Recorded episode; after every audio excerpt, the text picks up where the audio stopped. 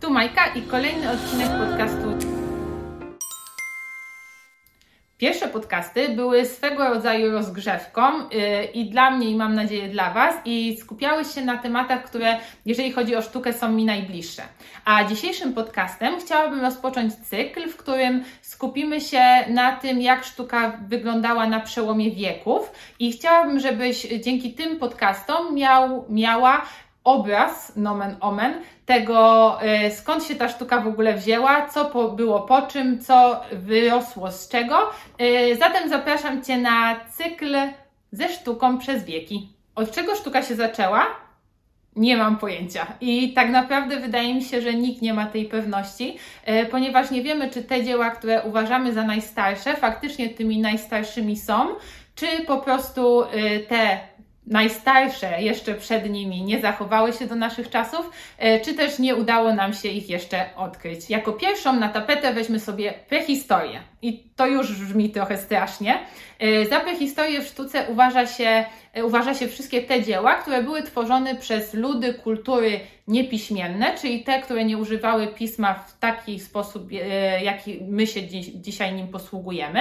I to, co warto sobie zapamiętać, to prehistoria to wszystko to, co było bardzo, bardzo dawno temu i przed starożytnością. Po co wtedy ludziom była właściwie sztuka? Jak myślisz? E, czy 20 tysięcy lat temu człowiek potrzebował e, iść do muzeum, żeby oderwać się od szarej rzeczywistości i zastanowić się nad jakąś wyższą ideą? Myślę, że niekoniecznie. Podpowiedź padła już wcześniej. Skoro były to ludy i kultury niepiśmienne, to sztuka dla nich, tak jak ją dzisiaj określamy, była formą komunikacji, e, formą pamiętnika czy też książki. I właśnie po to ówczesni ludzie wykorzystywali sztukę, rysunki, rzeźby czy obrazy.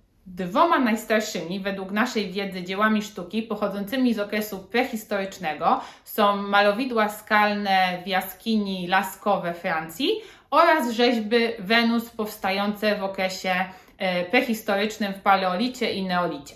Na przykładzie analizy malowideł ściennych z jaskini Lascaux we Francji chciałabym Wam pokazać, jak właśnie można sobie analizować i interpretować tą sztukę prehistoryczną.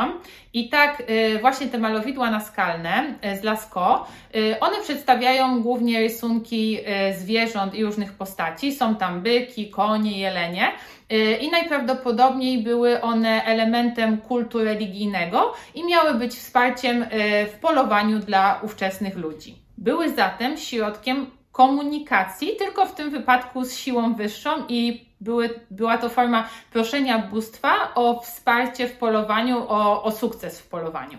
W Lascaux znajduje się m.in. sala byków, gdzie narysowane jest 130 zwierząt, w tym byk mający wymiary około 520 cm, czyli to jest ponad 5 metrów, więc to jest naprawdę całkiem spory kawał sztuki. Dlaczego sala byków i malowidła z Lascaux uznawane są za sztukę i symbol tej sztuki prehistorycznej? Żeby odpowiedzieć na to pytanie, yy, chciałabym Was prosić o yy, dokonanie tej samej analizy, którą robiliśmy w poprzednim podcaście o sztuce współczesnej, czyli skupieniu się nie do końca na tym, co widzimy na pierwszy rzut oka, na ścianach w Lascaux widzimy byki, zwierzęta, e, niezbyt realistyczne, bez cieniowania, e, bez jakoś świetnie przemyślanej kompozycji, ale jeżeli znowu zastanowimy się, kiedy te rysunki powstawały i było to, jak już ustaliliśmy, bardzo, bardzo dawno temu, przed starożytnością, to możemy sobie spojrzeć na to z tej perspektywy, że wtedy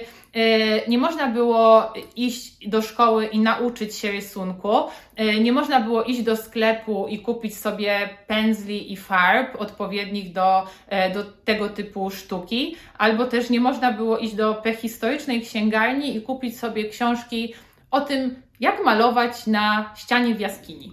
Mimo tych trudności, e, zwierzęta w Lascaux są przedstawione w sposób dość realistyczny, e, we właściwych proporcjach, a także w ruchu. A to też jest dosyć trudny zabieg plastyczny. Dużo łatwiej e, ówczesnym ludziom byłoby przedstawić te zwierzęta w formie takiej statycznej. Po trzecie, pomyślcie sobie też, że mamy rok 2023, a te malowidła naskalne powstały ponad 20 tysięcy lat temu i e, zachowały się do dzisiaj. Zatem szacun dla ówczesnych mistrzów, że e, wykorzystywali takie pigmenty, bo to jeszcze wtedy nie były farby, które przetrwały do dzisiejszych czasów.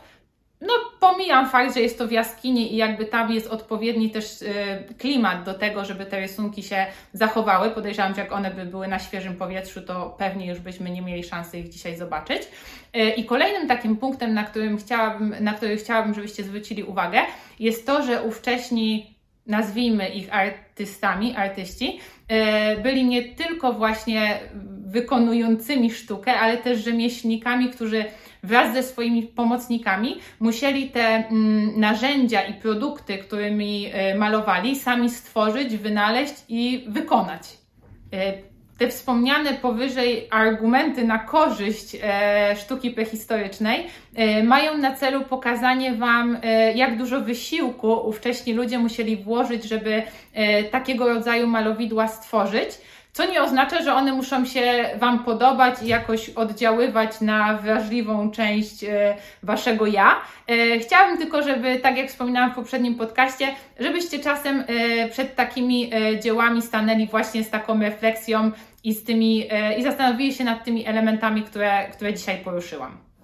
I tutaj znowu mała przerwa na prośbę o lajki, o komentowanie, o subskrybowanie mojego kanału, jeżeli Wam się podoba i o informacje o tym, czego chcielibyście w tym podcaście posłuchać. Dzięki. Drugim często pojawiającym się tematem w sztuce prehistorycznej była Wenus, czyli symbol płodności.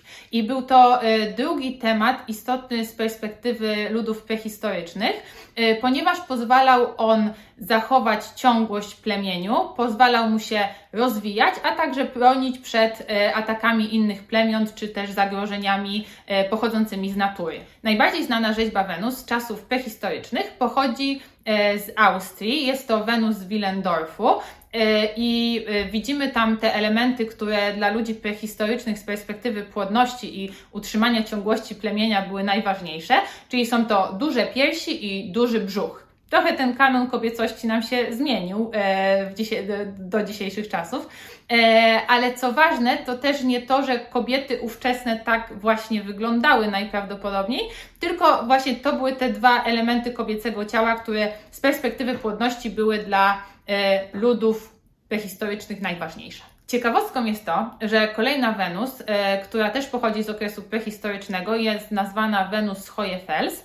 E, jest to rzeźba, co do której naukowcy przez długo spierali się, czy została stworzona przez Homo sapiens, czyli naszych przodków, czy może przez Neandertalczyków. Jednak po analizach wyszło na to, że najprawdopodobniej to jednak stworzyli e, taką rzeźbę przedstawiciele naszego gatunku, no ale od taka ciekawostka.